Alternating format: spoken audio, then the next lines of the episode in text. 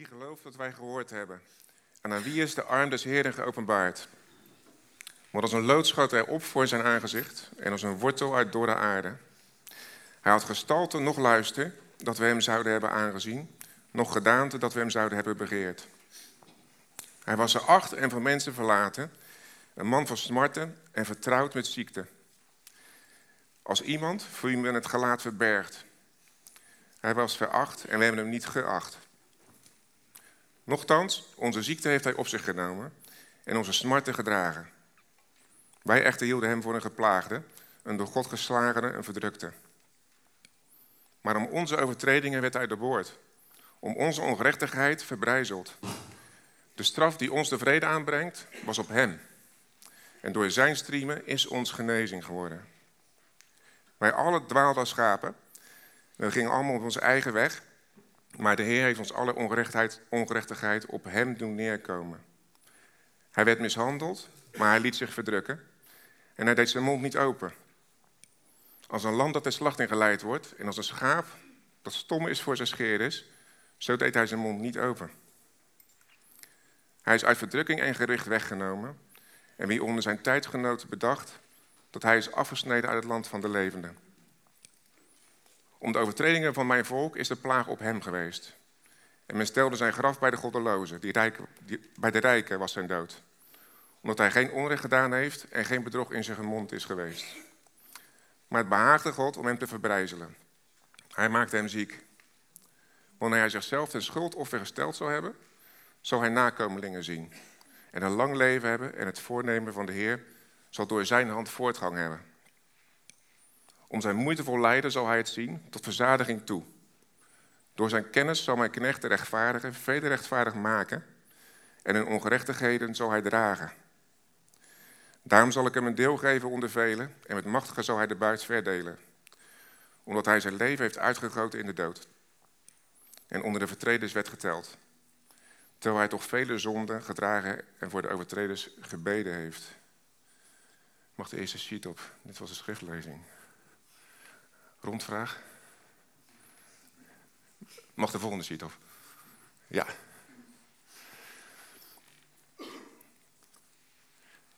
Dit tekstgedeelte dat hier staat, uit Handelingen, dat is niet wat ik net voorgelezen heb, by the way.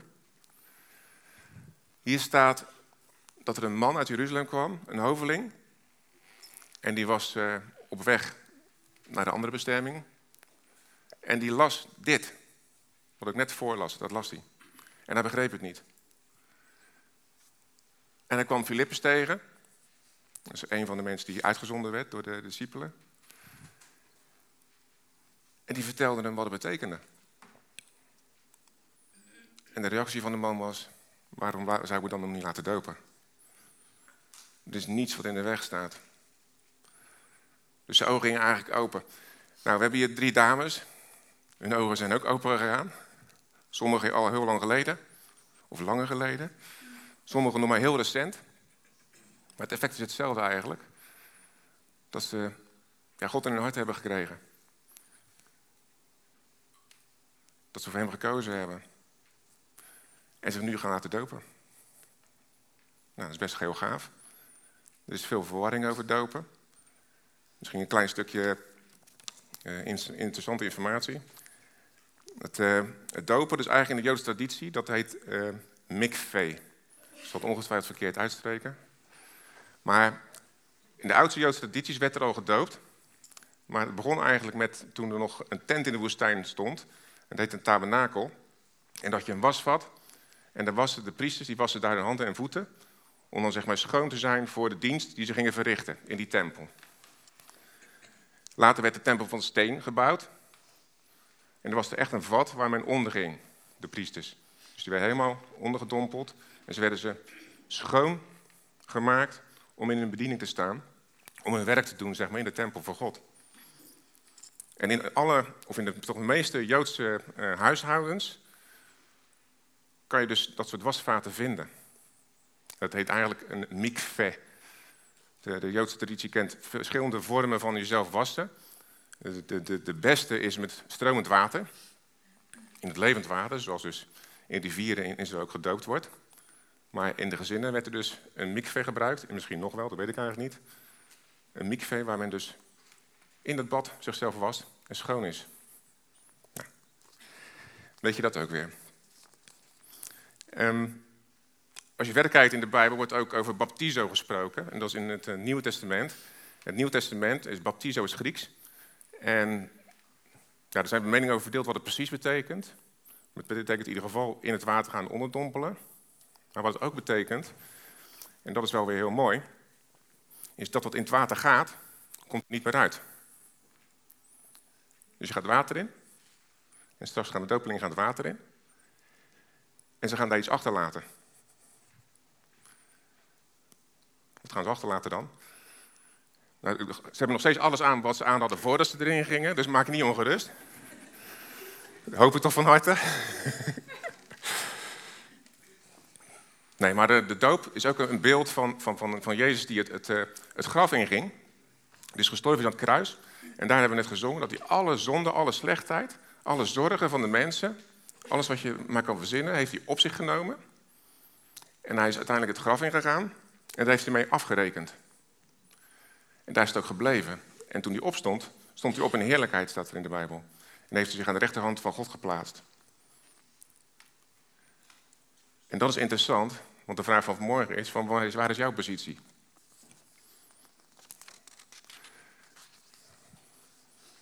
Volgende sheet. Ja, we doen aan sluikreclame bij de wijngaard. Deze gaat twintig keer voorbij komen, soms zie je hem niet. Is hij weg? Maar het is geen grap. Er is geen enkele reden waarom jij je niet zou laten dopen als je al in God gelooft. Als je nog niet in God gelooft, is er geen enkele reden waarom je niet zou laten dopen. Want kom gewoon naar voren, laat voor je bidden en geef je hart aan Hem. Hij is de enige die jou in deze wereld uitkomst kan bieden. We kunnen proberen, nadenken, nog eens een paar jaartjes nadenken. Moeilijk, moeilijk, moeilijk. Brigitte Kaandorp. Zwaar, zwaar, zwaar. Of je gewoon, gewoon kiezen voor God. Want je weet diep in, in je hart, want je bent namelijk door Hem gemaakt. Dus je weet diep in je hart, het is waar. Het is waar wat je zegt. Het is waar wat ik al eens gehoord heb van iemand. Dus wat weerhoudt je? Word eerlijk, kom lekker naar voren. De mensen zijn ervoor. Als het te veel wordt, dan uh, vliegen we meer mensen in. Komt allemaal goed.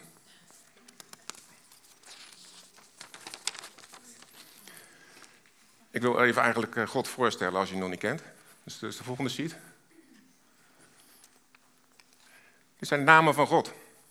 Zoals in de Bijbel onder andere gekend wordt. Ze zullen het ongetwijfeld niet allemaal zijn. Ik zal me beperken tot de betekenis van de namen.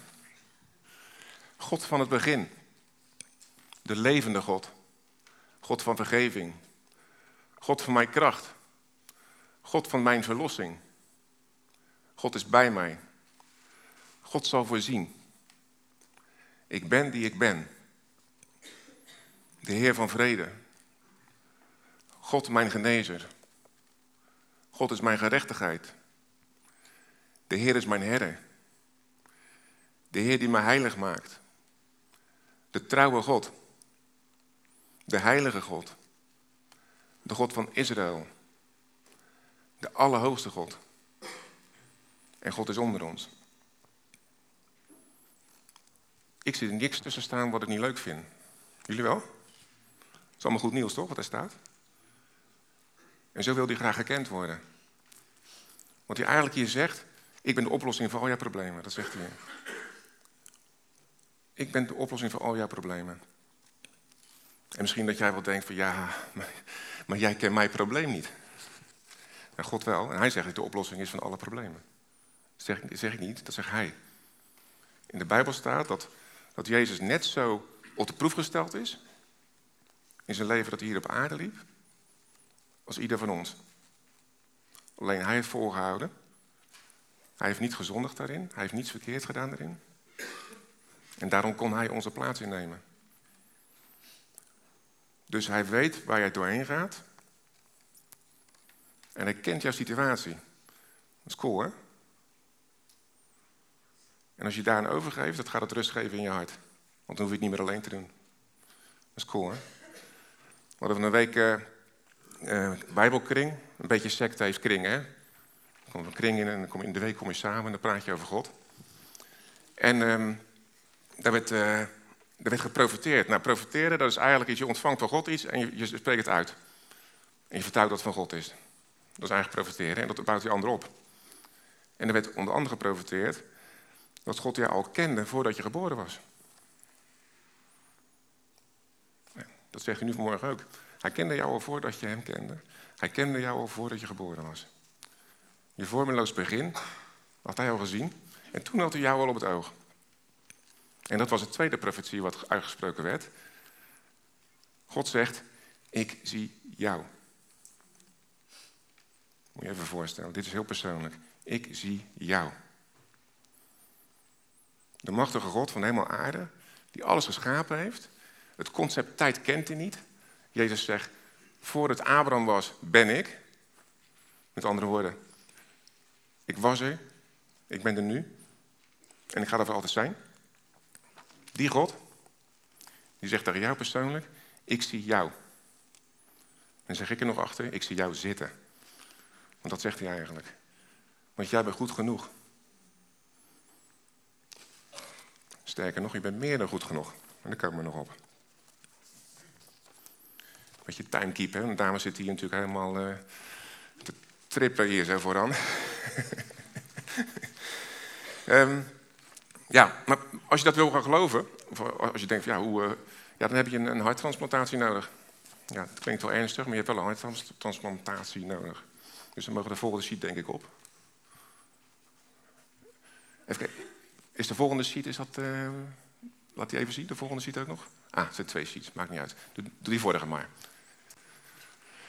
Ja, de, de choreografie die, die verbetert al mijn uh, ellende die ik op ze afstuur. Dit is handiger blijkbaar.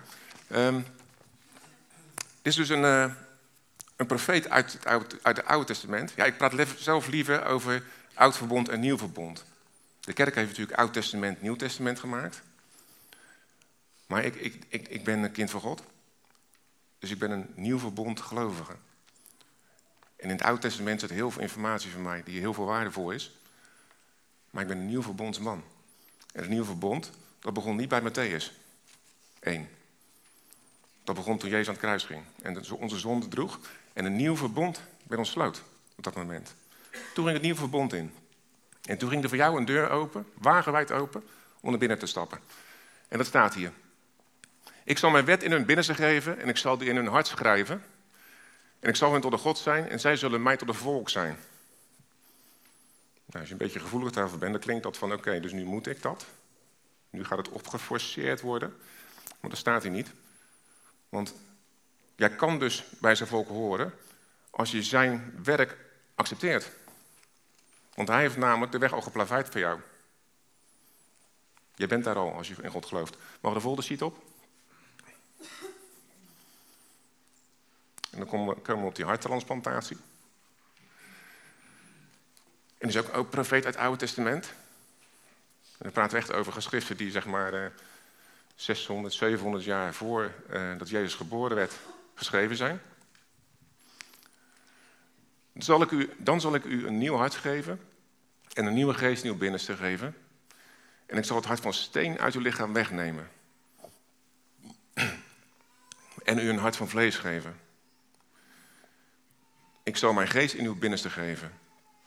Ik zal maken dat u in mijn verordeningen wandelt en dat u in mijn bepalingen en in mijn bepalingen in acht neemt en ze houdt. Ik zal het hart van steen uit uw binnenste wegnemen. Het is niet zo gek dat wij een hart van steen hebben in deze maatschappij. Ofwel? Want je moet je stand your ground, je moet voor jezelf opkomen. Je moet je toch laten zien wat je kan. Je moet er goed uitzien. Op het juiste moment slimme dingen zeggen. Een goede werknemer zijn. Een goede vader, een goede moeder. Een goede echtgenoot. Een goede dochter, een goede zoon. En dat, maakt dat, dat veroorzaakt hè, dat je daaronder gebukt kan gaan. En dat je hart een beetje verhard wordt van steen. Want er is als iemand op gaan staan. Er heeft als iemand tegen geschopt. ik denk, ik ga er beschermen. Ik doe een metselcursus online bij LOE. En ik met zo allemaal steentjes om me heen. Ik maak één kijkluikje erin. Dan zwaai ik af en toe zo door. Het gaat goed met mij. Blijf wel van mijn muurtje af, hè? Je lacht misschien, misschien erom, maar dit is wat er gebeurt. De vrijheid die wij hebben in de maatschappij, die stopt ongeveer een halve meter onder mensen heen. Kom niet te dichtbij. Kom niet aan mijn ik, want dat is van mij. Bepaal ik. Kom niet aan mijn huis, dat is van mij. Er is een liedje van gemaakt volgens mij, ik ga het niet opnoemen. Maar kom niet aan dat wat van mij is. Want ik ben in controle. Want als ik dat niet ben, ja wat dan? Wat moet ik dan? Nou, daar krijg je stress van, logisch. Nou, en eh, de uitwerkingen van stress kennen we ook, toch? Dat vertaalt zich uh, dat het tussen je oren helemaal een warboel is. Het vertaalt zich in je lichaam. Ziekte intreden. Komt vaak daar vandaan. En dat komt omdat je van jezelf ten diepste niet vindt dat je goed genoeg bent. Dat je jezelf eisen oplegt, die God jou niet oplegt. Je omgeving wel. En je voelt dat je daaraan moet voldoen. Je denkt dat je moet committen aan wat de maatschappij van je zegt. Maar ik heb nieuws voor je. Daar is dus bevrijding van. Daar is verlossing van. En daar is echte verlossing van. En als je die aan gaat nemen, dan komt die rust in je hart. En dan maakt het je niet zo heel veel meer uit wat anderen van je vinden. Niet op een negatieve manier. Van wat jij zegt kan mij niet schelen. Maar op een krachtige manier. Want het woord van God is een, kracht. Op een krachtige manier. Van wat jij tegen mij zegt. Het kan mij niet deren. Het kan mij niet anders gaan doen denken over mijzelf. Want ik weet dat God blij met mij is.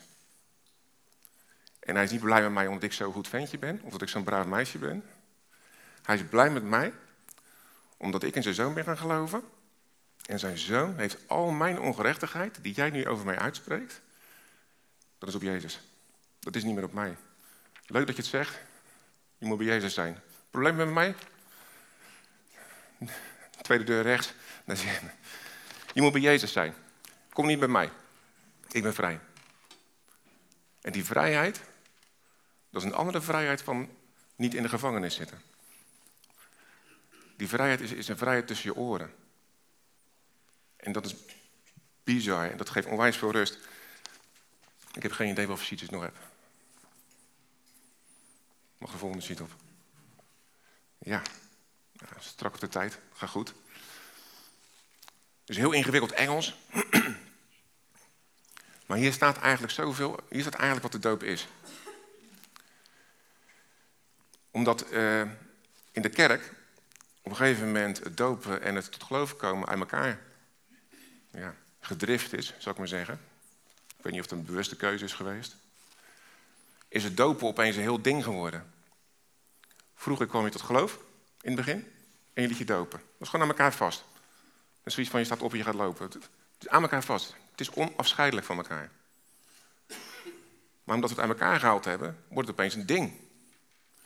Ja, en dan gaan we nadenken van, ja, uh, ben ik er wel aan toe? Ja. Of ik moet nog even over nadenken. Heilig huisje, zag je hem voorbij komen? Hoorde je hem? Het is niet de vraag of je er naartoe bent, aan toe bent. Het is gewoon de vraag van geloof je in God. En laat je het open. En deze dames die doen dat. Vorig jaar ook drie dames, had ik het al gezegd. 6-0 voor de heren, had ik het al gezegd. Of voor de dames beter. Stille hint, 6-0. Heren 0 trouwens dan. Dus laat je gewoon dopen. Kom gewoon lekker zitten daar zo. Want wat het eigenlijk is, is wat hier staat. En dan moet je wel even doorspitten in de teksten. Want sommige teksten staat namelijk dat het een vraag is aan God. Maar het is een antwoord aan God. Het is een antwoord aan God, of eigenlijk de bevestiging, het laten zien van... ik sta goed voor God. In de vaktermen heet dat ik sta heilig voor God. Als je God niet kent, dan zegt het van ik, als ik in Jezus ben gaan geloven, dan ben ik oké en ik kan gewoon voor God staan. Waar vroeger in het Oude Testament nog, waar de mensen dood bleven als ze in de buurt van, van, van, van, van de ark kwamen, in, in, in de tempel, zegt God van kom bij mij. En is de God met al die namen die je net zag, die heilig is, die perfect is, En hij zegt, ik heb mijn zoon gegeven. En als je in hem gaat geloven, dan ben je om die reden, om dat woord wat je bent gaan geloven, om dat woord wat Jezus tot jou spreekt in je hart, sta je rein voor mij. Good conscience. Heb je een goed geweten?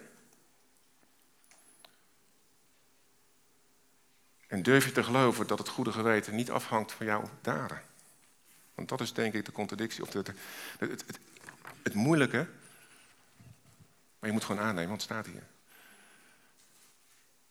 Als je in Jezus gelooft, mag je een goed geweten hebben. Want hij heeft al jouw fouten gemaakt, die je nu maakt, die je vanmiddag gaat maken, die je volgende week gaat maken. Al die fouten heeft hij op zich genomen. Want hij wil een relatie met je hebben. Je kan, je kan alleen een relatie met God hebben als je perfect bent. Je kan alleen recht voor God staan als je perfect bent, toch? Je kan niet voor een perfect heilige God staan als je zelf niet perfect en heilig bent. En dat staat hier. Daar getuigt doop van. Ik heb Jezus in mijn hart. Hij heeft al mijn mankementen op zich genomen. En ik sta zo voor God. Boom. En dan komt die rust in je hart. Op dat moment heb je harttransplantatie gekregen. En dan gaat hij aan de slag met je. Dus het is niet van dat jij aan de slag gaat met jezelf. Dat is dus de, precies niet de bedoeling. Hij zegt, ik ben een werk in jou begonnen. En ik ga dat doen. Op mijn manier. En jij bent per definitie al vrijgepleit. Op basis van wat je gelooft.